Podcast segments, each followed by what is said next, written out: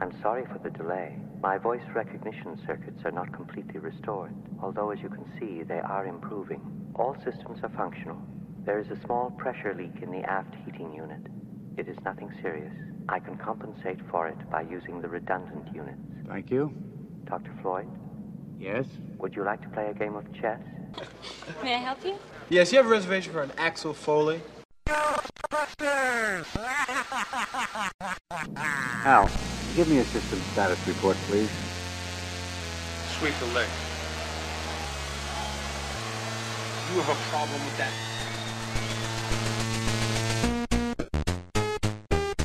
I think that's more called test war. Yeah, I know it. Some people. Velkommen til 1984.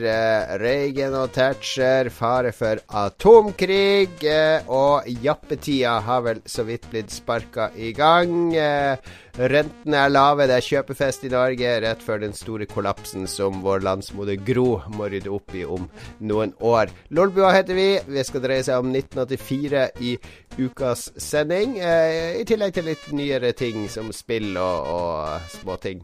Uh, Jon Cato heter jeg. Jeg var tolv år gammel ble jeg i 1984. Jeg fikk også min Commodore 64 i 1984, så det er et veldig kjært år for meg. Lars Rikard, du var vel ikke gamlegutten? Åtte år eh, og uh, kjønnsmoden. Ja. Tidlig ute, altså. Magnus Tellefsen, du var vel verken kjønnsmoden eller uh, ute av bleia? Kan illustrere det med det eneste sikre minnet jeg har fra 1984, som er nyttårsaften til 1985. At jeg var veldig skuffa over at vi endra fra det rytmiske 1984 til 1985. Det, det irriterte meg. Så eh, det illustrerer alderen min, håper jeg. Jeg tror jeg gikk på musikkbarnehagen da. Du var mentalt eh, der på samme sted som du er i dag. Det er korrekt. Jeg var 37 år, ikke 38. Mats, Jo. du var vel bare et par år gammel? Tre år gammel ble jeg i 84. Ja, Husker ikke ja, så mye allerede, allerede bygd din første PC. Du fikk ikke eh, Lego og sånn, du fikk komponenter og ledninger. Ja, Ja. ja. lett. Ja, Nei, eh, hjertelig velkommen skal dere være. The gang's all here, som vi liker å si. Eh, Lolbua, vi er jo tre, og- tre og en halv i redaksjonen fordi Mats er så mye ute på havet. Men når han er hjemme, så er det veldig godt å ha han med. Men jeg ser du har jo du har ikke vaska deg, Mats. Du har noe skit på overleppa. ja. Nei, jeg har en liten bart i uh, ære av Movember. Det er, er det sånn konkurranse på plattformen? Uh, ja, vi bruker å, å gro bart i november, men jeg dro jo 1. november, så det var liksom så vidt jeg fikk lov til å være med. Egentlig så er det jo Blue Oyster Bar på plattformen hele tida, og så er det endelig i november kan alle liksom ja, Slippe ut sin indre Freddie Mercury. Men skal du ikke egentlig glatt, skal du ikke glattbarbere deg? Er det ikke, er ikke greia med Eh, Movember at opprinnelig eh, så var november det, men nå er det jo bare at du skal ha en bart, liksom. Eh, og min okay. bart eh, tar litt tid å få Ja. frem, så Ja, da kan jeg ikke starte ja. 1. november. Da blir det Så nå har du kasta deg på trenden? Ja. Du har spart siden eh, no november i fjor for å få den flotte Movember-barten du har. Det er, det er en flott bart, en mannlig bart. ja, det kommer seg. Litt mer eh, 80-tallssveis, så vil du passe rett inn i Stranger Jeg Things. litt- ja, med jeg trenger litt sånn spray. Jeg trenger litt høyt hår og spray, føler jeg. Ja, ja, ja. Er det noe spennende som har skjedd i livene eh, deres siden sist? Jeg kan bruke eh, halvt minutt på litt shameless promotion, for Ja. jeg, jeg har jobba en del med Det er jo Spillekspo i Lillestrøm til helga. Der skal jeg som vanlig være konferansier på scenen, så jeg jobba litt med det. Nintendo er der med Switch i år, og ellers så er det litt av hvert, og India og sånne ting. Så hvis noen Lolbua-lyttere, for denne episoden kommer fredag, og det er da SpillExpo åpner, skal innom SpillExpo, så kom bort til hovedscenen og si hei. Jeg står og henger og gjemmer meg bak der. Jeg er veldig menneskesky og antisosial, og jeg later som jeg smiler og blir glad når dere kommer, men inni meg så gråter Nei da. Jeg blir veldig glad hvis det kommer noen Lolbua-lyttere. Jeg blir glad for å hilse på. Så kom gjerne innom på SpillExpo i helga. Bra, bra, bra. Ja, har det skjedd noe, Lars? Uh, jeg satt og så på det her Blizzard-greia. BlizzCon. Med han, eh, BlizzCon, ja. Med Ja. han, mm. Magnus. Jeg og du Ja. og, og fulgte med. Så tenkte jeg det her Ja. jo Mats òg garantert. Jeg fikk ikke sett på BlizzCon. Fikk du ikke sett? Ja, for Nei. du var ikke Hvorfor ikke? Når var det BlizzCon? Ja, Det var i helga. Fredag, fredag, kveld. Jeg spilte fredag og lørdag. Spilte Destiny, ok. Du spilte var- på Blizzard-appen, satt du Ja, med faktisk. ja. Ja, vet du hva, jeg så eh, nå når dere sier det, så har jeg fått med meg World of Warcraft-greien. Det der eh, Mm. classic Endelig lager de classic server. Det var visstnok veldig populært. Men satan hvor mye folk det var, og hvor mye saler det var. Og så tenkte jeg at det var mye, og så så jeg noe bilde Eller var det fake, det der LOL, eh, LOL Championship, eller hva det var som var League of midt Legends. på en sånn, sånn arena? Ja, det der VM-bildet, ja. Det. Det går ikke. Det er en sånn der- For det første var det utendørs, og det er urealistisk når det gjelder gamere. Ja. Jo, men det er helt vilt hvor mange folk som drar på sånn live-arrangement. Det var en sånn koreansk sånn her bryllupsstadion. Er det ikke det de pleier å gjøre på Helt sykt. Ja, Ja. Men jeg har litt lyst til å fære på sånn her BlizzCon. Ja, BlizzCon har jeg lyst til å dra på, men det er, det Ja, er det visstnok litt styr å få tak i billetter, og Mm. Så er det litt sånn eh, mye logistikk, sikkert. Tar det i stedet for Formel 1 et år. Ja, lett. Ja, da joiner jeg der. BlizzCon er, BlizzCon er sikkert artig, tror jeg. Jeg, Her har vi eh, nyttårsforsett 2019. å komme seg på BlizzCon for Lars, eh, Magnus og Mats. Det blir spennende, det blir en spennende reisereportasje Ja. derifra. jeg blir jo den som ikke kan noe. Jeg har sånn Jo, spilt kan- en måned om Heartstone. Det er kan liksom vise deg. Ja. Ja, men hvis du har spilt Heartstone, så er du med. Da er du med i klubben, Lars. Ja. Ja, ja, Det er greit. Ja, men jeg følte, jeg følte litt sånn. Ja. Ja, ja, ja. Ja, ja. OK, der er den og den. Men det er så feel good. eh, Hele, jeg syns hele greia til Blizzard Ja, Blizzard er veldig positivt og eh, Ja, liksom det er litt sånn noe- Disney over det. Sånn her, Ja, at det, det er liksom veldig. di, di, de sin verden og når, når de begynte å snakke om dette nye brettet i Overwatch, dette her uh, Blizzard World, så trodde jeg først de snakka om en ekte fornøyelsespark i, uh, i California. Så tenkte jeg det hadde vært dritfett. De har, de har bygd en i Kina. Det er jo en Ah, ja. Det er sånn knock, knockoff, knock knockoff-greie. Ja. Som er bare sånne Bare hemningsløse kopier av Blizzard sine IP-er. Som de har lagd en svær fornøyelsespark av i De Beijing. er, de, de er populære, og de er gjennomførte. Men det var vel litt mer edgy på BlizzCon før, med Cannibal Corpse-konsert Ja. og litt eh, sånne ting. Det har vel blitt litt mer stuerent og Ja, litt mer eh, år. familievennlig nå. Ja, kanskje. Jeg er nok enig i det. Men eh, det jeg liker veldig godt, er at uh, han er uh, Mike Morheim Morheim Heim. Jeg liker han. Eh, jeg liker den greia med at eh, alltid i åpningstalen så sier han et eller annet litt sånn politisk, og, eh, og, men det er stort sett bare vær kule mot hverandre, og han har et sånn, her, sånn fint budskap, da. Sånn, ja, jeg, Er, er Blizzard uh, spillverdens kardemommeby? Ja, men, Ja, men alle de der karene på scenen var så jævlig likende. Det var ikke sånn, her, sånn som på Ja. Xbox og de er nye i Sony som bestandig skal være på scenen. Du bare sitter og kaster opp i munnen din og sånn. Ja. Dette var jo første året uten han Chris Metzen, var det ikke? ja, det var trist. Han Ja, savner er jeg skikkelig. Han er, Ja. Han er jo han- faren til Warcraft, basically. Ja, ble det sånn Ja, barne... Nei, hva heter det? Sånn metoo-greier, eller? Nei, nei, nei, det var ikke noe sånn. okay. Han, han har visstnok litt sånn sceneangst, og han liker ikke stress Ah. og styr og sånn, så han måtte bare pensjonere seg. Ok. Han har vært liksom ja. Han har vært i hovedfokus. Da er det avgjort. Dere drar neste år. Og så kommer Lars, eh, Lars som ikke er noen Blizzard-mann, han kommer til å bli helt revet med. Han blir så glad av alle sånn alle de disippel. folka. Altså. Så han kommer til å gå hele BlizzCon og rope 'For the Horde! For the Horde!' med de andre. Og ikke før han kommer hjem, så kommer det fram til at han trodde at det, det, var, det, det ble ropt 'For the Horse'. Så det er derfor eh, Lars syns det var så gøy å være med og rope det. Du har lett etter de strippebarene hele tida. De, eh, du finner Altså, er du på tur med Lars, så finner du en stripebar. Det er, Lars er stripebarmagneten. eh, vi skal gå videre til 1984. Det var ja. også året, første året Lars var på strippebar. Det får du høre mer om etter dette.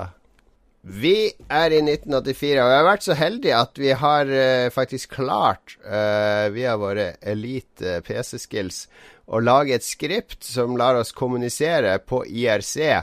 Med ARPANET er jo eh, oppe nå, ikke sant, så internett har så vidt begynt. Vi har klart å kommunisere med en mann fra 1984 som har oppsummert året for oss og spilte inn på en eh, C90-opptakskassett, et lydbånd, for dere som er veldig unge.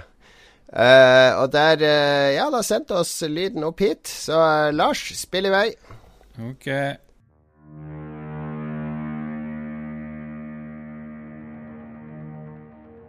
«1984 var et begivenhetsrikt år.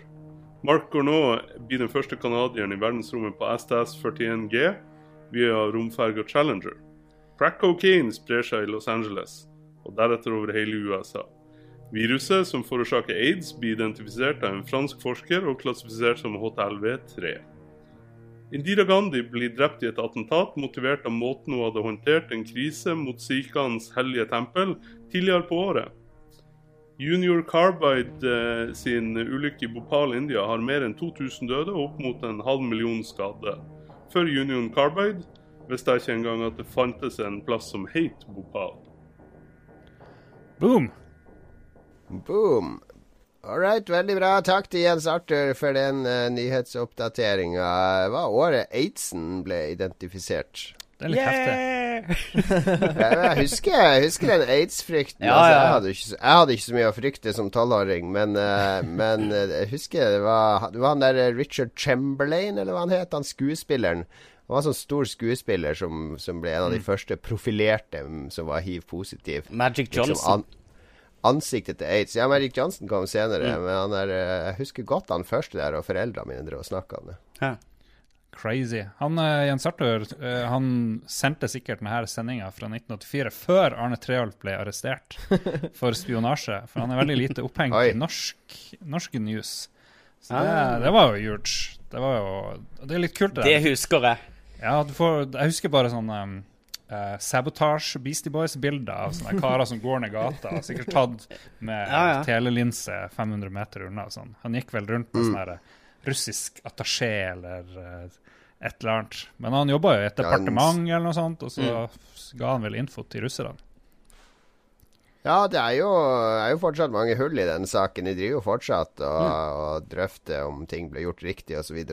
Mm, det har vel ikke kommet Det har kommet overraskende lite Treholt-filmer. Eneste jeg kommer på, er den der uh, Arne Treholt og de der ninjatroppene. Commander Treholt og ninjatrappen. Hvor det går, kommer frem at han var sånn dobbeltagent, og liksom, han var egentlig ikke spion, og det var mye rart. En morsom film for de som ikke har sett den. Ganske useriøs. kan Jeg vet ikke hvor mye som kom frem egentlig i den filmen. Det var der, en bra du- dokumentar. God dokumentar. Eh, Det tar oss direkte over til eh, TV-året 1984. Og her har Jens Arthur også satt seg ned foran eh, gløtteboksen og kikka litt på TV-programmet.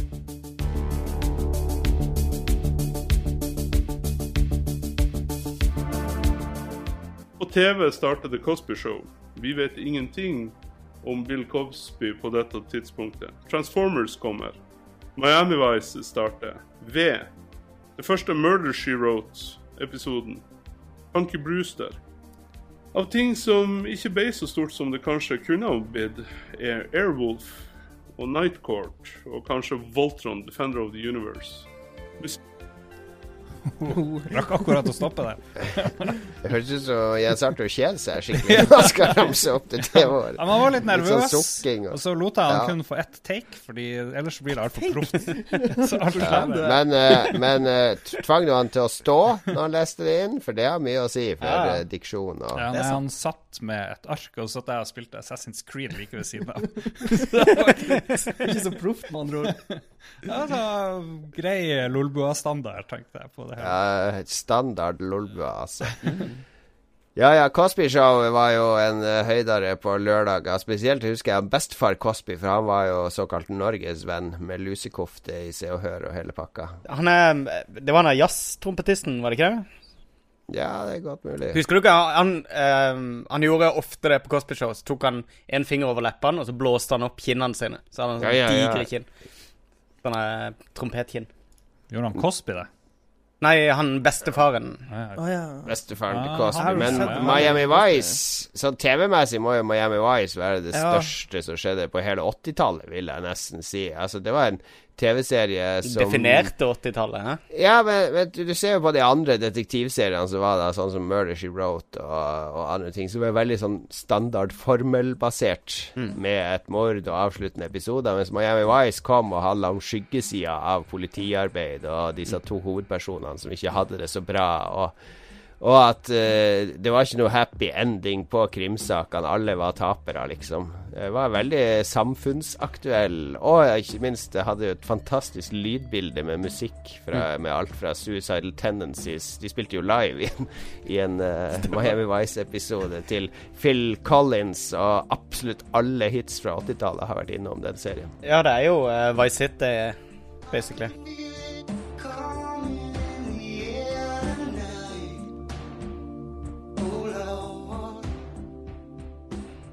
Han, um, vår venn Mats, du har fått uh, Ja, spesielt jeg har, ansvar for TV. eh, han Jens Arthur ramsa egentlig opp alle tingene jeg har, men jeg kan jo gå litt inn i dybden. Uh, eh, 1984 var tydeligvis angrepshelikopteret sitt år, fordi eh, Airwolf kom, og så lagde de en TV-serie av en film som het Blue Thunder, som også handla om et angreps angrepshelikopter. Ja, ja, ja. Så, uh, det er spill på det var Commodore to- 64 òg. Ja, det var to forskjellige TV-serier med et helikopter i hovedrollen, basically. Eh, Transformers ble jo egentlig lagd som en reklame for Hasbro sine leketøy, og starta egentlig et kapittel som Jeg tror ingen innså hvor stort Transformers kom til å bli, spesielt med de eh, Mm. Michael Bay-filmene vi har fått nå i, i moderne tid. Kan noen, kan noen ikke frata Michael Bay retten til å lage Transformers-filmer? Han lager jo kun Transformers. Uh, Ja, Ja, vi har nevnt det Murder She Wrote. Eh, det, ble jo, det, det heter jo Jessica Fletcher i Norge, for jeg tror Ja, ja. Murder var litt for voldelig sikkert å ha i en eh, film eh, Ja. Eller en TV-serie. Spenningsstund med Jessica. Ja. Det, det um, kunne jo ha hett uh, kunne jo ha hett 'Hjelp, det har skjedd et mord'. Nei, men da har du mord igjen. Det er skummelt, vet du. Ja, Hjelp, det har skjedd noe fælt, kanskje. Eller, ja. uh, We The Series nevnte også Jens Arthur. Det var en um, sånn uh, science fiction-miniserie. Er det noen som har sett ved? Jeg har sett eh, litt av det, Nei. Mm. faktisk. Um, Det er sånn, hva det handler om? det handler om eh, romvesen som blir uh, liksom beseira, i anførselstegn, og så viser det seg at det, det er mer bak, eh, bak dem enn man Oh. tror. De, Mm. de, man tror de er sånn avanserte mennesker, men så er det reptiles, eller noe sånt her, crazy shit. Uh. Eh, men det som er spesielt med Vi, var at i sin tid så koster det veldig mye å lage. Hver episode kosta rundt 1 million US dollar, og det var ganske uhørt på TV-produksjon i 1984. Ja, man måtte, jeg husker man måtte leie den på video, Stemmer sånn det. to og to episoder hvis man skulle se den, og det orker jeg aldri, for det var så mye penger. Det for var, det var en investering for å se serien, basically. Mm. Uh, eh, jo, jeg har en liten TV-sak her. Uh, under Superbowl så sendte Apple en TV-reklame som de bare kalte det Ah. 1984, hvor de introduserte Apple Macintosh. Eh, Når de og det var smashet den han- skjermen? Ja, stemmer det. Og det var Ridley Scott som hadde regissert den reklamestunden. Det visste jeg ikke. Ja. Eh, og den gikk faktisk er eh, Scott, ja. Den gikk faktisk også lokalt på ti TV-kanaler i Idaho i 1983, for de ville kvalifisere filmsnutten til sånne Advertising Awards.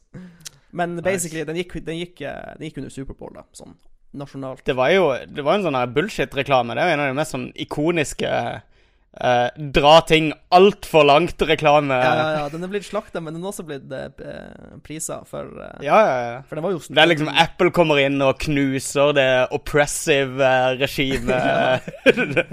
Jo, det var jo, det var jo en skikkelig heavy 1984-referanse i, Ja, ja, ja. i den. TV i Det var Norge. en veldig bra reklame. ja, funka som bare det. TV i Norge var vanskelig, fordi jeg gikk på eh, Jeg gikk inn i eh, arkivet til NRK, og det som gikk Det som ble lagd i 1984, var masse ting fra fjernsynsteatret som jeg aldri har hørt om. Det var ingenting som skilte seg ut. Liksom. Ja, det, det stemmer godt overens med mine barndomsminner. Yep. Eh, men det, det som var kanskje litt eh, mest spennende, eller som skilte seg ut, var at opp til 1984 så måtte Svalbard hvis, hvis noen på Svalbard skulle se på TV, så måtte de sette inn en kassett og se på opptak. Så i 1984 fikk de direkte De ble kobla på riksnettet med satellittsendinger. Ah, shit. Så det var Ja, men det er eh, Jeg hadde jo en som var på tråler under OL i Lillehammer. Og han visste jo ingenting av hva som skjedde på Lillehammer før han kom hjem. For de hadde jo ikke noe mulighet til å se TV om bord på tråleren. Ja, og så var det vel OL i Sarajevo i, 90 i 84, kan vi også nevne. Ja. Men apropos TV, for jeg husker veldig godt en TV-serie jeg så i, i norsken i 1984 Ja. som heter SK917 har nettopp landet. Jeg Ja, var jo tolv år, og det her var det er jo sånn nordisk krim, som jo betyr at da setter de noen svensker og dansker og nordmenn sammen. Og, og plottet var liksom at det er et fly til, til USA som tar av fra København, og så er det en som blir drept om bord like etter landing oppe på første klasse. Og så er det masse mistenkte. Jeg husker det var utrolig sånn intens og klaustrofobisk, fordi du er inne i det flyet hele tida. Og Rolf Wesenlund var med. Det var veldig uvant å se Fleksnes som en sånn videoselger Ja. som skulle på messe til, til USA. Så den serien, jeg, jeg husker den så godt. at jeg prøvde å lete etter den for å se den på nytt, men jeg tror ikke den ligger i NRK-arkivet. Men SK917 har, nett, har nettopp landet. Veldig kjedelig tittel. Veldig bra. Hvis jeg skal, hvis jeg skal komme med noen favoritt på TV-front, så må det jo være Miami Vice. Ja. Det var jo helt sånn her eh, crazy time. Jo, men det var, det Miami Vice fulgte ikke, som han Jon sier, den der standardformatet med at du hadde ei gåte som ble løst i samme episode. At mysteriet ble introdusert og løst opp. Eh, Du hadde jo sånn over, Jeg tror det er faktisk i første episoden av eh, Miami Vice, som vi så for halvannet år siden, Mm. så blir jo egentlig altså den story-arken som går over sikkert tre sesonger, introdusert. Og ja, det er rett og slett Og det er jo Michael Mann som har lagd den. Fucking awesome. Han er jo Jeg vil gjerne kjent, eh, trekke frem uh, min favoritt, som var Thomas, Ja. Thomas Toget, som kom i 1984. Nice. Som, jeg tror jeg eh, også så mer på det. Det var, det var vel ei dame var det det som leste, leste stemmen Eller stemmene til alle uh, her i Norge. Men det var Ringo Starr i eh, Storbritannia. What? Oh, ja. Ja, ja. Eh, vi har en av de videokassettene liggende hjemme hos min mor. og de. Eh, ja, Ringo Starr det var liksom det neste prosjektet hans sitt på den tida der. Utrolig jovial Thomas is a tank engine who lives at a big station on the island of Sodor. He's a cheeky little engine with six small wheels, a short stumpy funnel, a short stumpy boiler, and a short stumpy dome.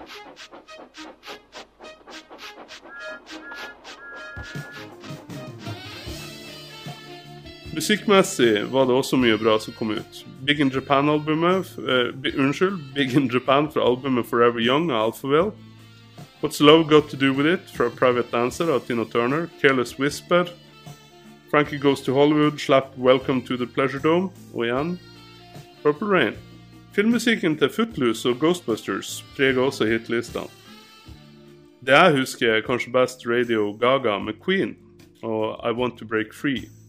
Metallica slapp Ride the Lightning dette året, og det er jo da selvfølgelig før det ble kommersielt og dårlig, sånn som alle hipsterne snakker om. Her i Norge på NRK var det drita festlig. Eh, Rita Vestvik og hennes lørdagssirkus som sannsynligvis var det som det ganske folk samla seg rundt. A-ha hadde faktisk sin første TV-opptreden også i 1984 på det programmet, med en tidlig versjon av sangen 'Take On Me'. Det husker jeg absolutt ingenting av.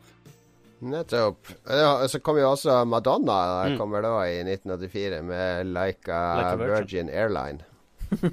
Ah, nice.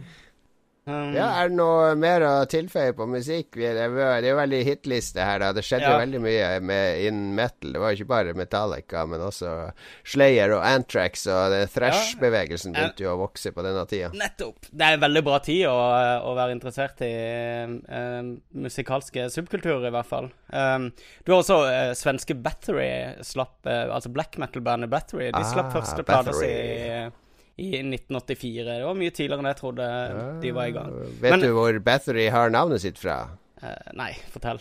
Det var jo Elizabeth Bathory, som var sånn gal grevinne, som visstnok fikk drept 400 ungjenter i landsbyen for å bade i blodet for å holde huden sin ung. Er det sant?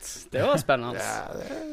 Run DMC slapp også første skiva si, og revolusjonerte jo hiphop. De dro jo hiphoperen over i en uh, ny uh, epoke. Masse skjedde på punksida. Minus Threat, Black Flag eh, Ja, dødsmye dødsmye utgivelser det året der. Masse metal også, som du sier, og eh, Ja. Et, Ja. et fantastisk år for alle som er er interessert i sånt. Chili Er Peppers slapp noe- første albumet sitt, og eh, var fremdeles et dritbra band.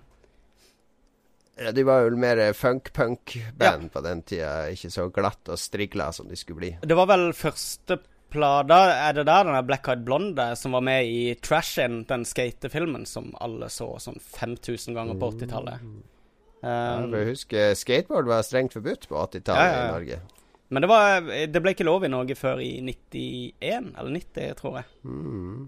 Jeg husker jeg syntes det var blodig urettferdig. Jeg hadde så lyst på skateboard, men uh, mamma nekta meg plent. Jeg, fikk Eh. faktisk lov av mine foreldre helt på tampen. eh, Bare noen måneder før det ble lovlig, så var jeg rundt der, men måtte bruke hjelm. klart, klart. Det er det viktigste du har, er jern, Mm. Magnus. Er det noen som har uh, er favorittlåten fra 84? Lars? Ikke peiling. Hva var Det må jo være Melodi Grand Prix-vinneren, som jeg tror kanskje du har Ja, det, det har spart jeg til Skulle jeg Ja. spare til slutt, da, som en liten eh, twist. Den gode twisten som du sparer til slutt. Men ja, vi kan godt ha den. Eh, Norge sitt bidrag, er det noen som husker det? Det var jo de to eh, jentene som sto på ski på scenen, Dolly de Luxe, med 'Lenge leve livet, vi vet aldri når det ender'. Men det var jo våre naboer i, i øst som vant, da. Sverige var frempå. Tre kjekke, stramme unge menn eh, i sine gylne sko på scenen, der de sang 'Digilo, digilei, alle titter på meg'. Var det samme år? Ja, det var i 84. Harris heter jo. Harris. Gode, gamle Harris.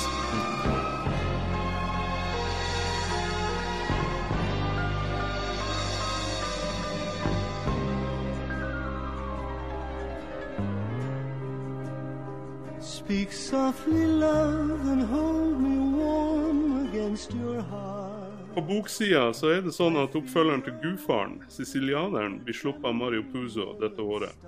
Neuromancer av William Gibson og starten av cyberpunk-sjangeren kommer også ut. Tom Clancy slipper The Hunt for Red October. Akira volume 1 kommer ut på engelsk. Enda en eh, ting som understreker cyberpunk-sjangeren. The Unbearable Lightness of Being av Milan Kundera kom også ut i 1984. Folk som påstår at en av favorittbøkene deres, sier da lyg, for de har sannsynligvis aldri sett den eller lest den. har gjort noe som helst med det. Dragons of Autumn Twilight, den første boka i Dragonlance Chronicles, kommer også ut i 1984. Og det er kanskje den viktigste boka for meg. Det kommer til å forme min oppfatning av fantasy-sjangeren, og kommer også til å hjelpe meg inn i rollespill og litteraturen omkring rollespill. Den første Black Company-boka av Glenn Cook kommer ut. Eon. Den første boka i serien The Way av Greg Bear kommer ut. For filmer så kommer OK. ja vel. Da eh, Ja. ja. Skal vi, skal vi slå fast at uh, Jeg vet ikke hvor, hva som er min favorittbok, fordi Hunt for Red October er jævlig stilig, da. Men så har du jo selvfølgelig uh, William Gibson sin Har du lest? Neuromancer. Boka? Ja, jeg har lest boka. Ja, okay, ja. ja. Det er veldig vanskelig. Jeg husker Neuro Neuromancer er sånn bok jeg må lese på nytt hvert tiende år. Ja. Jeg har lest den tre ganger. Den, uh, hver gang så føles den enda mer aktuell. aktuell. Ja, jeg husker det er jævlig vanskelig engelsk, da. Eh, I den Neuromancer? boka. Jeg leste den jo første gang sånn, Ah, sånn, ja. ja. på videregående. Ja, William Gibson er ikke den snilleste crazy. forfatteren sånn sett. Ikke da, i hvert fall, syns jeg. Husker. Men, ja. Nei, men eh, Neuromancer er uten tvil min favoritt. Det ene har jeg lest uh, to ganger. Europe. Det er ikke så mange bøker jeg har lest flere Lars, ganger. Lars Saabye Christensen gir ut boka 'Beatles', må vi også nevne. Ble stor av en eller annen grunn. Ble tvunget til Den å ble lese. veldig stor. Det ble jo en giga filmflopp for et år eller to siden. Jeg all right. Jeg bare kjør videre på film, da. Hørte du den perfekte overgangen der? Jeg får fix it in post.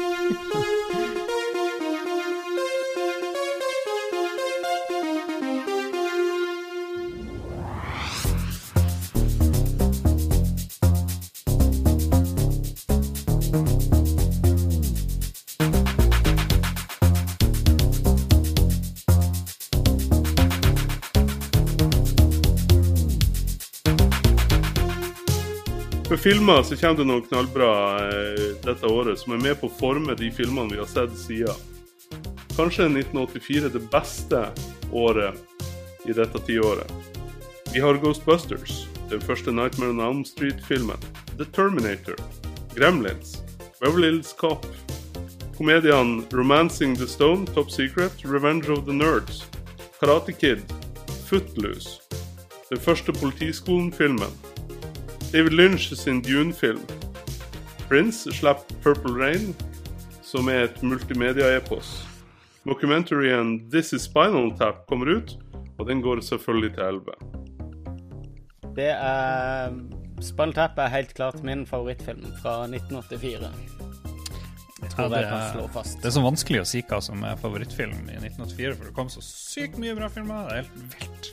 Jeg tror Jo, det men er med Indiana Jones Temple of Doom kom, så da slipper du å velge Indiana Jones dette året, og det er jo litt hyggelig. Ja, det er jo det. Ja.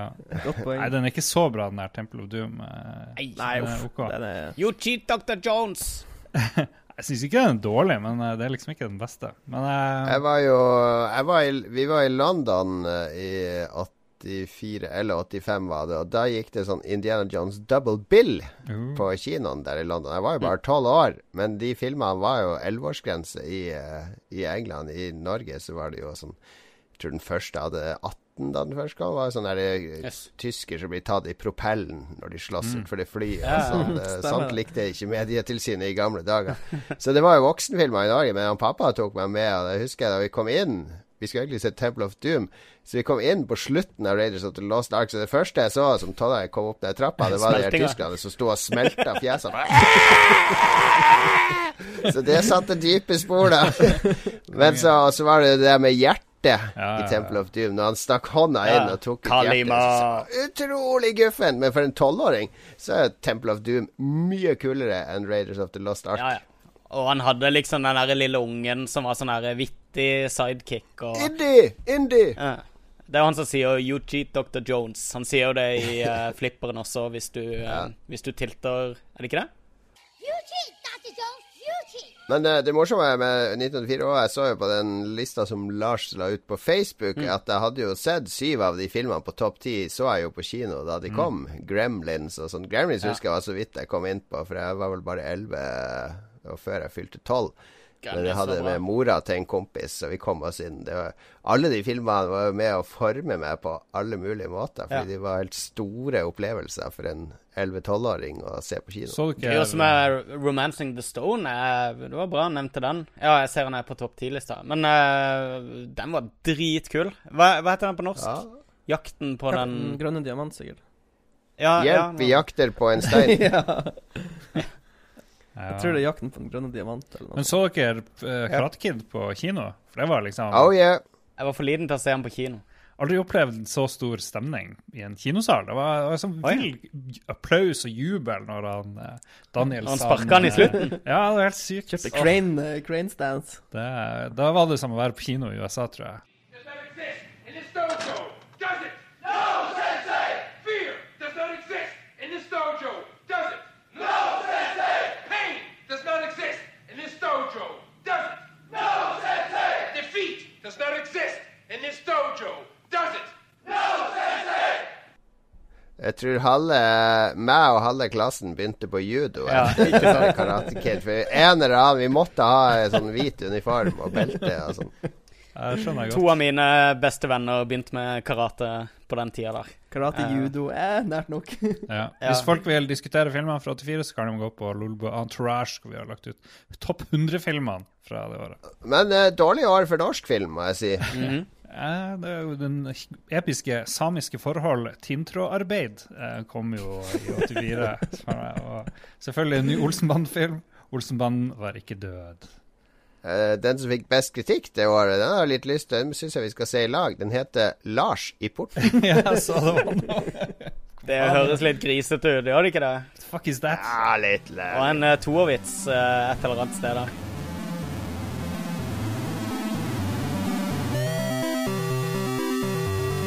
Everyone knew that whoever let the sadness overtake him would sink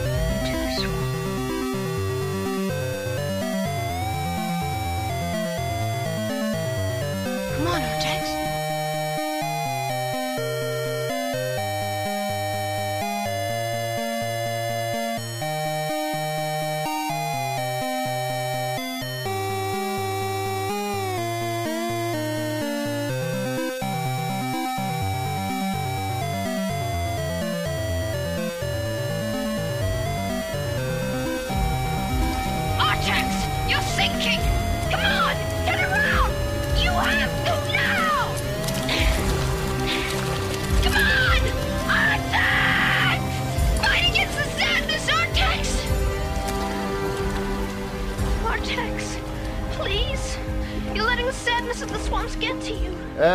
Jens Arthur har ikke tatt for seg spill. Det har jeg skjønt at han stiller dårlig mot eh, ekspertene i Lolbua. Så jeg er sikkert redd for å bli ledd ut. Jeg satt, spilte, jeg satt jo og spilte Assassin's Creed og fikk ikke helt med meg hva han sa da han leste inn, så jeg fikk ikke med meg at det ikke var spill, men det er jo greit. Da kan vi Det kan vi. Jeg har sett litt på spillåret 1984. Og det var jo flere selskaper som ble oppretta dette året, bl.a. Ocean og Gremlin Graphics. To selskap som var veldig produktive på Commodore 64 spesielt. Psygnosis òg ble faktisk oppretta i 84. Mm. De eksisterer jo i en avart fortsatt som Sony sitt London-studio. De ble kjøpt opp av Sony i starten av PlayStation, og så har de fusjonert videre. Eh, mest kjent for Wipeout nå i nyere tid. Arkadespillene uh, var fortsatt mye spennende og innovativt som skjedde der. Karate Champ. Første spillet der to slåssespill der to stykker kunne slåss mot hverandre. Altså sånn 1v1-slåssespill. Pac-Land. Eh, de fleste tenker jo på Pac-Man, men Pac-Land, der hadde jo Pac-Man bein og armer og løp fra venstre mot høyre. Det var rett og slett det første scrollende plattformspillet. Altså plattformspill der det ikke var et statisk skjerm, men du bevegde deg til høyre. Kung Fu Master og Marble Madness var to andre høydepunkt. Marble Madness selvsagt eh, programmert av Mark Cerny, mannen bak PlayStation 4-arkitekturen. Og Knack. Knack 1 og 2. Knakk. Eh, på datamaskinfronten så dukker det opp ganske mye spennende. Elite, eh, romhandelsspillet med prosedurelt genererte galakser, eh, var jo en revolusjon da det kom, fordi det var så stort og innholdsrikt, og man kunne fly hvor man ville. Vinneren av Golden Joystick, som var den eng britiske eh, spillbransjen sin prisutdeling, ble Nightlord fra Ultimate Play the Game, senere kjent som Rare. Et 3D isometrisk eventyrspill til Spektrum. Commodore 64 begynte å ta form. Dette var jo året jeg fikk min eh, Commodore 64. Eh, eh, så jeg husker jo veldig godt mange spillere som kom det året. Annet Bruce Lee med den ninjaen og den grønne kjempen som hele tida skulle prøve å ta deg, som Bruce Lee. Decathlon, spillet som fikk oss ned på magen, uh, der vi rista joysticka løs helt til den så vidt hang sammen. Lords of Midnight, mystisk uh, eventyrspill fra Mike Singleton, som uh, inspirerte veldig mange rollespillfolk. Ble inspirert av det spillet. Boulder Dash, todimensjonal puzzle, fys fysikkbasert puzzle solving. Og selvfølgelig klassikeren Impossible Mission. Another visitor. Stay a while. Stay forever. Det, du, kan, du kan fortsette lenge på denne lista der. Raid over Moscow, baby. Kom også til Commodore 64 det året. Summer Games, nevnte du det? det Ja, ja, Summer Games, ja. Det første Summer Games Mm. kom, og det var stort. Det var stort. Multiload-spill. Eh, åpning Ja, nei, det var kult. Men du, Decathlon, hva var det for noe? Var det Det var den britiske atleten Daley Thompson Ah, det det, som, eh, som hadde tikampspill. Og det, var, det spillet der innførte eh, at du skal riste joysticka fra venstre til høyre for å Oh, løpe no. fort. På Ja. Arkademaskinene så var det jo to knapper som du slo på. Ja, riktig. Mens, mens på Converse 4 så ble det riste joysticka. Og, og det, var, det var slitsomt, altså. 1500, 1500 meter på Decathlon. Alle, alle som har vokst opp på den tida, har jo lært seg dette med å bare låse skuldra, eller sånn at du, du skjelver eh, sånn trrrrt med armen. Uh, den der teknikken på å kunne bevege seg Altså, jeg merker bare i spill, hver gang det er sånn trykk, trykk kjapt på et eller annet for å komme gjennom en eller annen ja. action, så, så føler jeg at jeg har eh, at uh, spillet er ikke balansert i forhold til meg, da. Fordi at jeg vokste opp på 80-tallet, så jeg er dritgod til å trykke kjapt på knapper og eh, vigle på joysticker, liksom. Og jeg tror det var Alle jeg vokste opp med, eh, hadde superskills der. Skriv ned, Lars. Det her skal testes på livesendinga nummer 200 Ja, på ja. scenen. Jeg vil, ha, jeg vil ta med Hero òg. Det var jo kanskje det jeg spilte mest. Oh. Kom ut i 84. Du var jo sånn Karlsson på taket-figur. Tenkte med en gang på Karlsson på taket. Jeg Hadde sånn rotor. Du drev vel for å redde, tror jeg, folk. Ja, Du, flyr ned i gruve, og så kan du legge dynamitt for å sprenge vegger. Altså. Ah, det var konge. Og så kunne du, det var liksom mitt første smak, eller første og eneste smak på sånn speedrunning-greier. For jeg ble så god, så kunne jeg bare knuse gjennom de her brettene. Så Spe. Spelunky var bare en ren rip-off av det her med dynamitt. Ja, litt. litt. Right, det var spillåret 1984, og det var 1984 i et nøtteskall. Et fantastisk filmår, et bra spillår der uh, hjemmedatamaskinene begynner å ta form og begynner å vise at uh, hei, vi kan gjøre ting like bra som Arkademaskinene. Konsollene var litt døde, det er liksom bare Nes som var ute når Atari kutta all sin produksjon og Warner solgte Atari videre.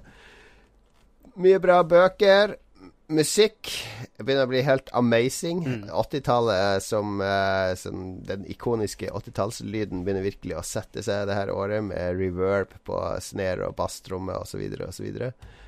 Og ja Jeg kan prate i det uendelige, ja. men la oss heller høre på litt musikk. Remember your defense. Points come. Concentrate, focus, power. Remember balance. Make good fight. Warning for running out of the ring. Once more, it costs you a point. On guard. Ready? Guard. Eight.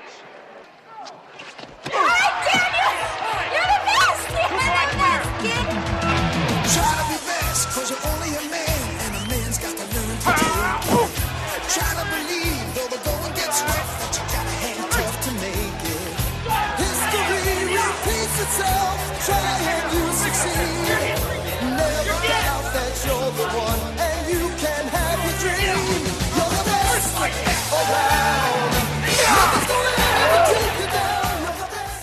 Vi har jo lyttere som har opplevd 1984, eller som har sett TV-serien Stranger Things og tror de har opplevd 1984.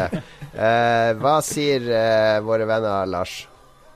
Morgan Slang sier at 1984 burde være obligatorisk pensum på alle ungdomsskoler. Jeg mener jo at da mener Da snakker han bare om ting som kom ut i 1984. eh, men jeg regner med at han tenker på boka eh, 1984. Ja, det er jo George Orwell sin eh, roman om det dystopiske overvåkingssamfunnet. Ja, og så sier han hver gang han foreslår den boka at det må være obligatorisk, så blir han paradoksalt nok kalt kommunist. Ja. Det er kanskje litt politisk lada, denne boka fremdeles. Jeg vet ikke.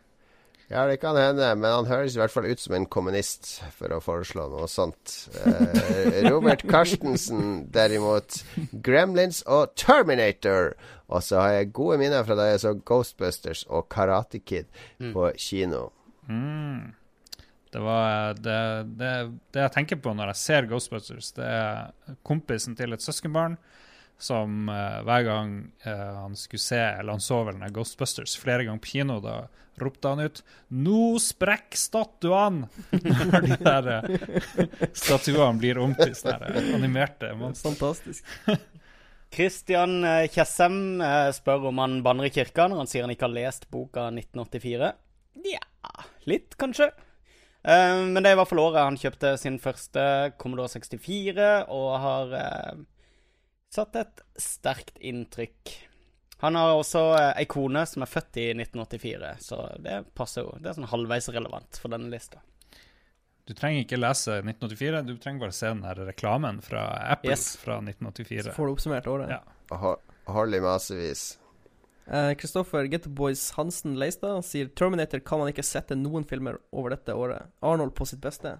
Jeg, jeg så ikke Den var meget 18 år på kino, Ja. og masse klipt Mm. og sensurert, hvis jeg husker rett. Jeg husker når den kom på video, så var det jo selvfølgelig nå, da var vi vel 13, som hadde fått lov å se den, eller snika seg til å se den. Og det gikk bare sånn gjetord på skolen om hvor voldelig det var, Ja. hvor kul han der roboten var og sånn. Så hele filmen var bare sånn fantasi for meg helt til jeg var sånn 15 år og endelig fikk se den. Jeg synes I ettertid syns jeg ikke Terminator 1 er så veldig kul. Uh, jeg 2 er fremdeles kjempekul, syns jeg, men ikke Ja, men Terminator 2 har uh, James Cameron i sin prime, som lager Ja. en uh, absurd bra actionfilm. Ja. Terminator 1 er litt mer som en slags thriller, på en måte. Det er ikke en Mm. renblods Ja, eh, Den holder seg bra som Jeg synes så- jeg synes så- actionfilm. Ja, Jeg syns den holder seg veldig bra. Ja, den, har, den har litt sånn indie, litt sånn gritty, Nettopp. mer gritty feel enn eh, Terminator Mm. 2. Men Terminator 2 så jeg faktisk på kino. Ja. Det gjorde jeg. Ja. Håkon Kleppe Nordmann eh, sier at Top Secret er hans all time favorittkomedie. Anbefaler alle som er glad i tørr humor, å sjekke den ut. Helt fantastisk film. Val Kilmer eh, Yes. Oh, er, yeah. eh, er komiker. Han, han gjør det jævlig bra. Ja, Det er en strålende film. Det er vel uh, Sucker Sucker Abrahams, Ja. er det ikke det? Jo, de var jo på, uh, på høyden på slutten av 70-tallet med Airplane og da Top Secret. Og Naked Og Gun var vel òg det? uh, Ja, Naked Gun kom etter hvert, Mm. men uh, Ja, veldig, veldig bra. Håkon, uh, ja. Jeg, jeg så alt av filmer som kom i den der eh, sjangeren der. Absolutt alt. Jeg elsker det. Crazy, Crazy crazy komedie. var din favorittsjanger. Jeg elsker det da jeg vokste opp. This is Sally Decker, Frank. Hello, Miss Decker. Hello. I'm Captain Frank Drebin. I understand you had a pretty rough time. Yeah, it was pretty bad. Cigarette? Yes, I know. Du likte til og med 'Gudene må være gale'. Nei, jeg syns ikke 'Gudene må være gale' var så veldig bra. Men det var sånn, jeg satt på kino og lo så tårene spratt, liksom. Det, jeg, jeg virkelig elska det. Og nå syns jeg ikke det er så veldig givende å se lenger, men, eh, men eh, det funka på 80-tallet. Altså. Nå har jo alle disse her eh, Disaster movie og Scary movie og alle disse her har liksom tatt over den sjangeren. Det er litt sånn samlebånd. Det er litt flauere. Det er ikke så tørt som det var. Det, det som de redda seg på med de Sucker Sucker, var at det var så tørt. Ja, og det var så seriøst levert. Mm. Det er Deadpan-humor, mens med Scary Movie og sånn, så er det liksom der eh, løfte opp øyenbrynene og så uh, Nå er det moro. Ja, ja. Now, wait a minute. Let me get this straight. Twice came in and shot the teller, and Jim fell. No, he only shot the teller, Jim Johnson. Fella's ill. Okay, then after he shot the teller, you shot twice. No, I only shot once. Twice is the hold-up man. Then I guess I did shoot twice. Altså, det er mye sånn fjerting og sånn. Ja, promp og bæsj. Ja. Torbjørn, apropos promp og bæsj, Torbjørn Prøv... Sorry, Torbjørn. Torbjørn Praus Skau. Oh man! Beverly Hills Cop er jo selve arketypen på fete 80s actionfilmer.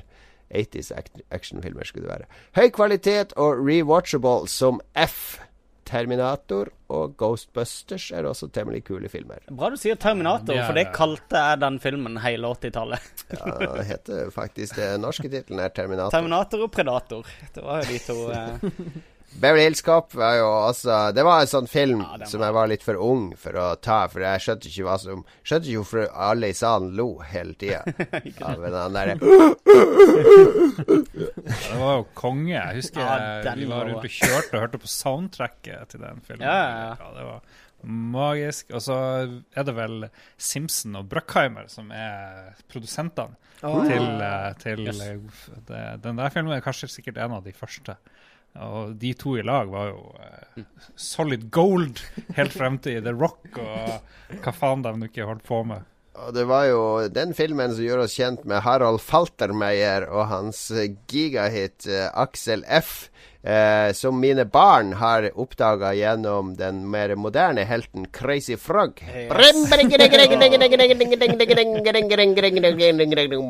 Uff da. Da er vi tilbake i nåtid. Oi, oi, oi. Det er, det er koselig å gjenbesøke disse åra, men vi får se om vi holder ut helt til 90-tallet. Det er mulig vi avslutter etter 85. Eh, gi oss gjerne innspill på det i våre sosiale medier. Vil du høre mer fra 80-tallet, eller vil du at vi skal tilbake til litt mer normale temaer? Vi skal jo oppsummere eh, året 2017 og sånn snart. Det nærmer seg desember, så vi er jo nødt til å og avslutte snart. Men eh, vi kan holde på et par episoder til. Vi skal i hvert fall i nåtid snakke om hva vi har spilt i det siste, for eh, nå kommer det jo så mye spill at hvis vi slutter å prate om det, så blir vi jo mister vi all relevans for mange av lytterne. Og Magnus, vi kan jo begynne med deg. Du har tatt på deg hjelmen og uh, uh, militærstøvlene og pussa sersjantvinklene dine. Pussa hagekorsene mine og SS-uniformen. Um, Nei, nå prøvde jeg for etter beste evne å unngå å, å å dra inn nazikortet igjen. Ja, Glem det. du. Nei, du har spilt Call of Duty World War 2. Storkos deg. Endelig får du skyte nazister igjen. Vet du hva? Um, jeg sier jo det at jeg, jeg prøver å spille den singleplayeren i alle Call of Duty, så jeg driter i multiplayer i, de spillene. Og jeg har alltid syntes at det er sånn overpåkosta overpåkosta um, Som berg-og-dal-baner, ikke sant? Men uh, det nye spillet nå var Jeg ble slått av nostalgien, rett og slett. For det, det minner meg veldig om de første Call of Duty-spillene. På den tida når den type spill var gøy. Det er, det er veldig fett fortalt. Eh, ganske rett frem. Det går jo Det er Call of Duty, så du, du, får, du vet hva du får, men Altså, det er, det er, det er en er det ikke det? er Normandie-landing og Ja, ja, ja, det er litt da- Band of Brothers-bantering og Ja, det, er- men, Men tar, tar de for seg noen historiske kamper som ikke har blitt dekka i spill? Ja, de, Eller ja, er det gjør de. Det er noen av disse eh, Noen av de oppdragene som Men Ja. oppdragene er ikke så lange. Du bruker en halvtime her og en halvtime der. og Omaha Beach begynner å bli litt når, når skal vi få slåss i Narvik? Uh, ja, men det første Medal of Honor hadde jo uh, Rjukan. Det skal vi ikke glemme. Mm. Så vi har vært i Norge allerede i, eh, i, eh, i Medal of Honor-serien. Og eh, Call of Duty eh, De aller fleste vet jo dette, men eh, de, eh, de som lagde de første Medal of Honor-spillene, de gikk over til å lage Call of Duty eh, etterpå. eh, og så gikk et eh, nytt team inn og fortsatte å lage Medal of Honor. Så, men eh, de første Medal of Honor-spillerne var i hvert fall helt fantastiske. Og det er litt sånn nostalgisk tilbakeblikk på det, da. Ja. Artig Men vil du anbefale folk å bruke 600 kroner på kun for å spille singleplayeren? Nei. Er ikke det litt uh, stivt, kanskje? Jo, men hvis, hvis du har mye penger, så, så syns jeg du skal gjøre det. Um, jeg, jeg ville ikke gjort det. Jeg ville ikke kjøpt dette for full pris for å, for å spille de Jeg vet ikke hvor lang singleplayeren er engang. Jeg jeg er nesten gjennom den. Men, ja. men eh, svært fornøyelig, i hvert fall. Et, et veldig bra tillegg til den multiplayer-delen, som jeg regner med folk setter pris på uansett. Har de sånn Coop-greie med zombier? Uh, ja, det er jo også Nazi Zombies er jo en egen mode der som jeg ikke har testa. jeg vet ikke om det er coop. Det, det er faktisk verdt å prøve. Jeg spilte det på uh, Advanced Warfare. Det som var før Ja. de var i verdensrommet med han John Snow.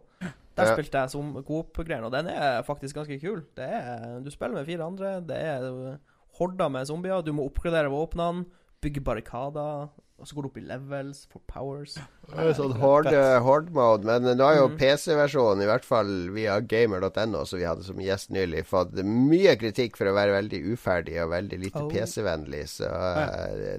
litt advarsel til deg, Mats. Ja, nei, jeg- det er lenge siden jeg kjøpte Call of Duty nå, så jeg tror det er litt pause på, på det.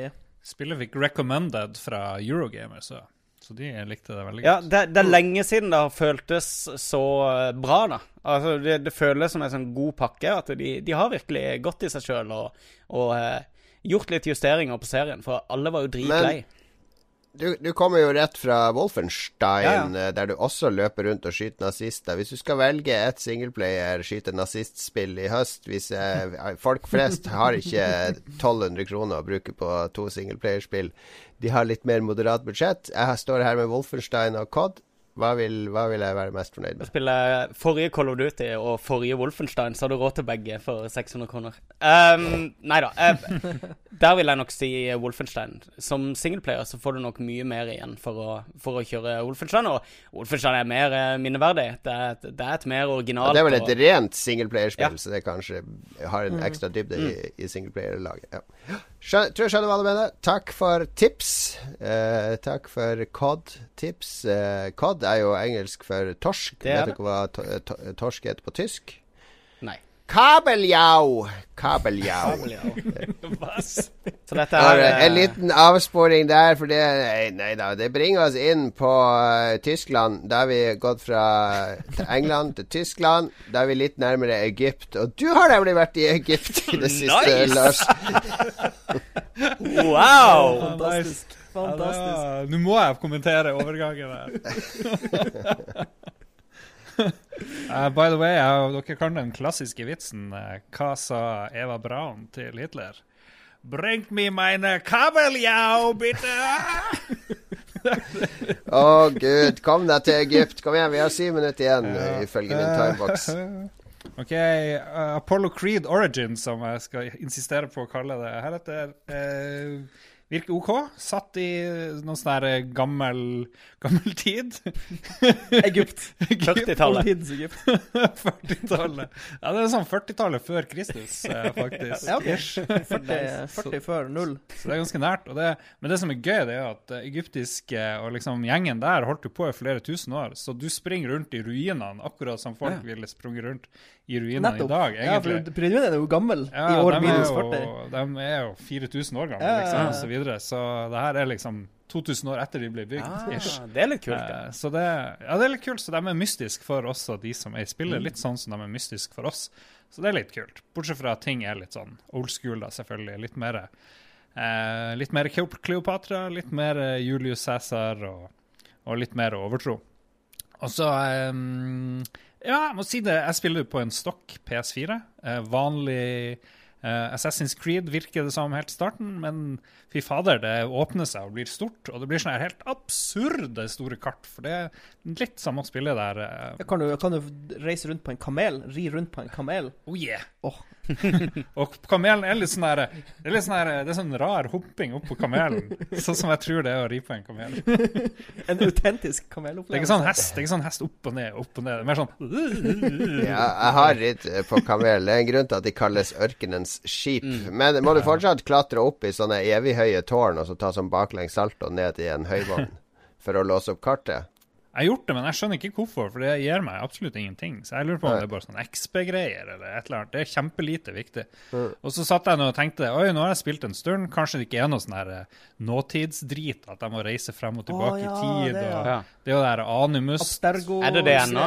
Ja, ja. Utrolig kjedelig, det den dukker historien. selvfølgelig opp. Det dukker selvfølgelig opp, men du får lov å hoppe ut igjen etter sånn 20 sekunder hvis du vil. Ja. For du kan bare OK, nå logger jeg på Animusen Og så trenger ikke å gå rundt i, på kontoret. Ikke i starten. Du våkner opp kontor Alt ser ut som CSI. Sånn her mørkt og blå, eh, blått lys og vinduer overalt. Uff. Ja, de her Jeg har alltid vært de verste i alle det var Men er det, jeg har jo alltid slitt med kampsystemet i Ja, det er Jeg det er så utrolig kjedelig, det der dodge og slå. Og det føles som du styrer en sånn marionettdukke. Jeg hørte at det skulle være litt mer sånn fysisk og ordentlig i kampene. Hvordan er det? Nå har alle lemmer egne hitboxer, og alle karakterene er ikke sånn Kampene er ikke scripta. Det er liksom ikke du trykker, og så finner datamaskinen ut hva som skal skje. Det er litt mer sånn The Witcher-aktig. Og det er ikke sånn at alle står i kø med å angripe deg. Jeg tror de endra på det òg, gjorde de ikke det? Sånn var det jo før. Ja, ja, blir ganske smort her av fiender hvis du springer. Står de, har de sånn munndiaré, de fiendene, fortsatt, når de står og slår seg? He's here! Try to stop him! Oh, I gotta get you! He's here! Come here! He's here! Ja, det, han drev Vi spilte mot én fyr som hadde litt mye liv, jeg og Charter der. Og vi hørte sikkert de samme replikkene tre ganger. Alle de her seks linjene han hadde. Så, eh, men eh, den der pausen på ett år med Assassin's Creed tror jeg har vært verdt det. Fordi det, det er mye som er nytt. Du Ja, litt, sånn eh, litt fresh setting òg, kanskje. fresh setting, litt mer endra gameplay. eh, Det ser kult ut, men i bunn og grunn så er det jo, eh, er det jo Assassin's Creed. Jeg så Skal litt, vi uh, Ja, Magnus? ja, jeg så litt på Twitch uh, at noen spilte i sånn to-tre timer. Og um, jeg har spilt veldig mye Shadow War, dette Middle Earth-spillet. Og disse to er egentlig Det er veldig lik sjanger på det. Sånn åpen verden og litt sniking og uh, Ja. Jeg syns, jeg syns Assassin's Ja. Creed så litt Det så litt stress ut å komme seg fra A til B. Jeg, det, det går bare litt treigt, syns jeg. Ja, ja, det kan du sikkert. Jo, men jeg syns bare det spiller litt treigt. Men det er kanskje bare fordi Shadow War er, er et mye kjappere spill. da Men det, det var det eneste jeg stussa på. Jeg, jeg har veldig lyst til å spille spillet bare for storyen. Jeg har hørt den er veldig bra. Det vil input-legg, i hvert fall, når du tar mot høyre, og så går det et halvt sekund, og så Er det sånn momentum-greier? Men det er jo Ja. oppgradert for uh, Xbox One X, er det ikke det? Assassin's Creed, så uh, Ja, ja, ja. Dytt inn på X-en din. Har du kjøpt det? eh, Ja. eh, jeg fikk den i dag. Nice. Vi må jo ha fem minutter med, med Xbox One ikke fem X minutter. eh, og- impressions. Ja, det er, ikke noe, det er ikke så mye å snakke om, egentlig. Det er, jeg har bare fått den, satt den i hus og lasta ned noen spilleoppdateringer. Så, så er det en Xbox. men men eh, ja, veldig pent. Spilte Forsa 7 i 4K med 60 frames, og det er Ja, det er sjeldent bra. Som å spille på PC. Sweet, sweet. Magnus er derimot i sorg fordi Kinecten hans ikke virker Yes. på Xbox One X, og han sitter og roper 'Xbox on!' Kommer til å gjøre det i søvne i mange år fremover. Xbox! Ja, det her er jo ikke ironi heller, fordi Magnus var jo faktisk den i Norge som brukte Kinecten sin og styrte. Ja, jeg er tilhenger av stemmestyring. Veldig tilhenger av det. Riktig.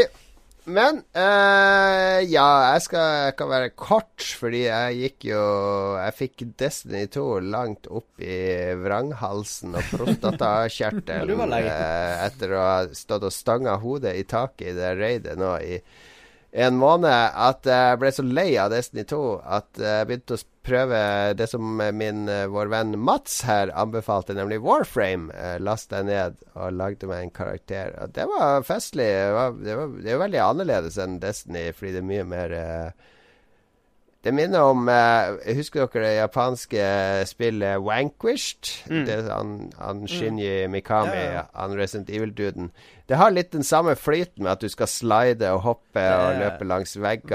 Veldig fokus på momentum. Ja, momentum, og det var veldig kult. Og så har det litt av det Destiny Den grinden som, Destiny, som jeg egentlig savner i Destiny. Det der å, å ha noen mål å jobbe mot. OK, jeg får spille de her tingene på nytt og på nytt. Og så har jeg bygd opp en ting. Jeg får faktisk en reward for å jobbe eh, dedikert mot noe. Så eh, jeg har ikke spilt det så lenge ennå, men jeg ser at det er noe jeg har lyst til å bruke litt mer tid på. Yes. Og så se om jeg blir hekta. To play. Ja, det som er kult Warframe. Warframe, er Det har jo det har jo bare utvikla seg sinnssykt over tid. Og de jo kommer jo ikke til å gå noen plass. Så jeg, jeg, liker, jeg er veldig spent på den der eh, fortsettelsen. 2013 det kom først. Det er fire år har det vært der. Mm. Ja, nå har de jo akkurat tatt steget inn i Open World med Ja. Planes of Eidolon.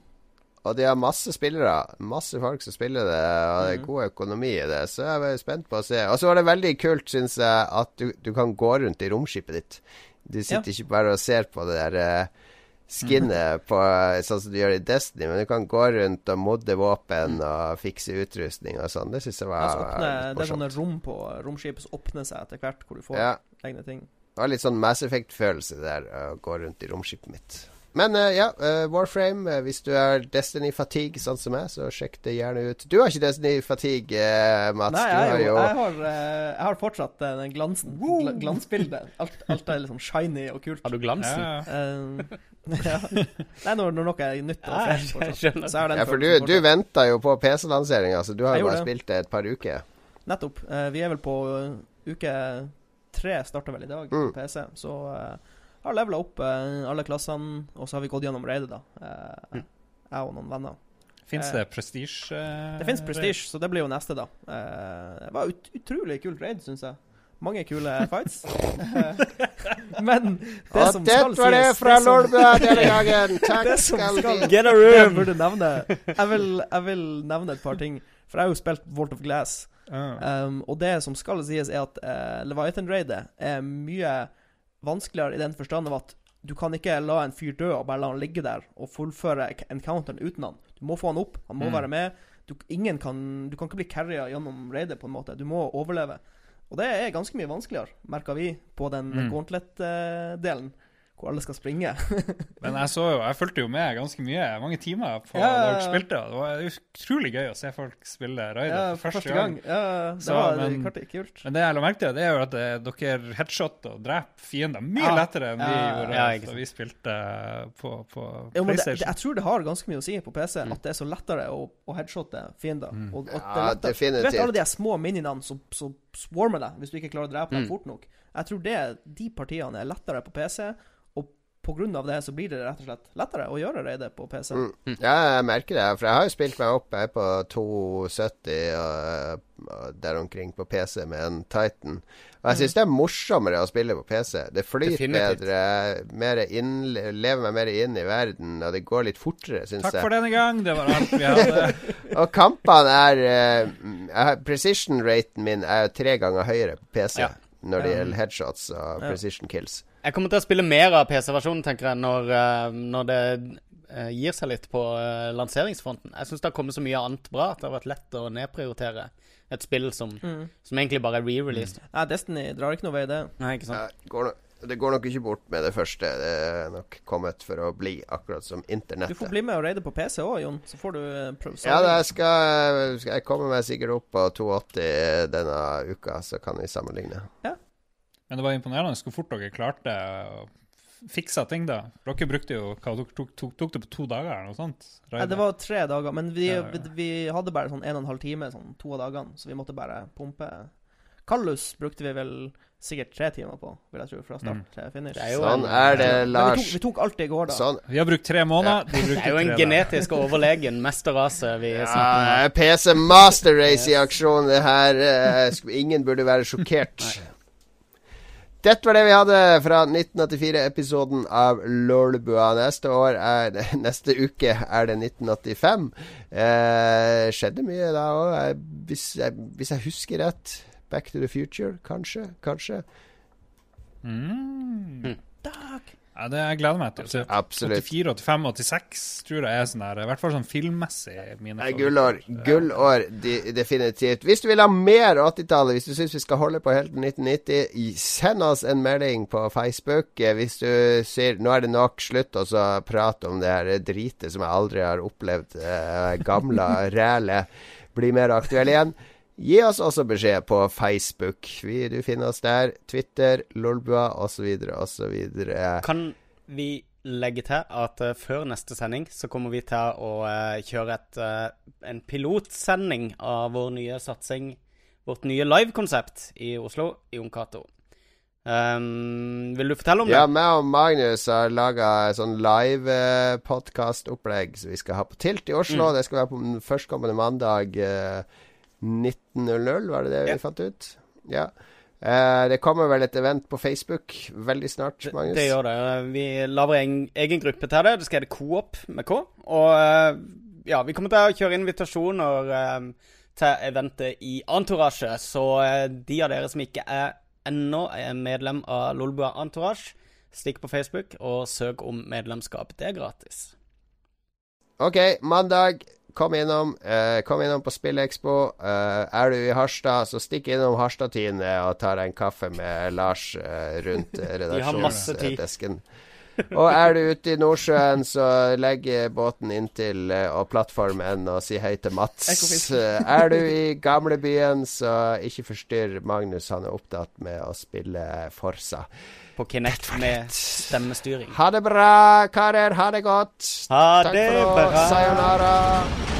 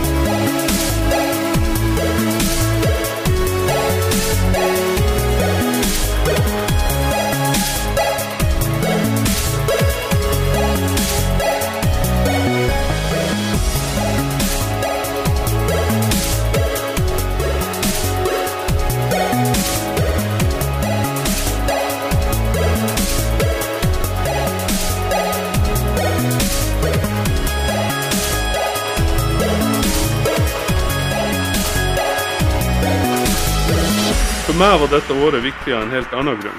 Dette var det året på barneskolen hvor jeg hadde et øyeblikk av opplysthet og virkelig forsto matematikk. Den følelsen av å være ustoppelig, den fortjener alle å få, i hvert fall én gang i livet.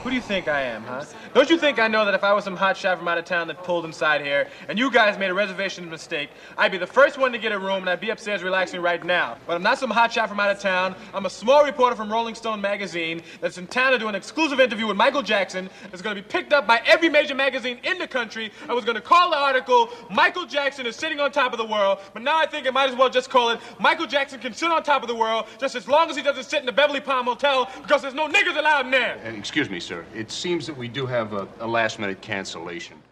Har du et enkeltpersonforetak eller en liten bedrift? Da er du sikkert lei av å høre meg snakke om hvor enkelt det er med kvitteringer og bilag i fiken, så vi eh, gir oss her, vi. Fordi vi liker enkelt. Fiken superenkelt regnskap.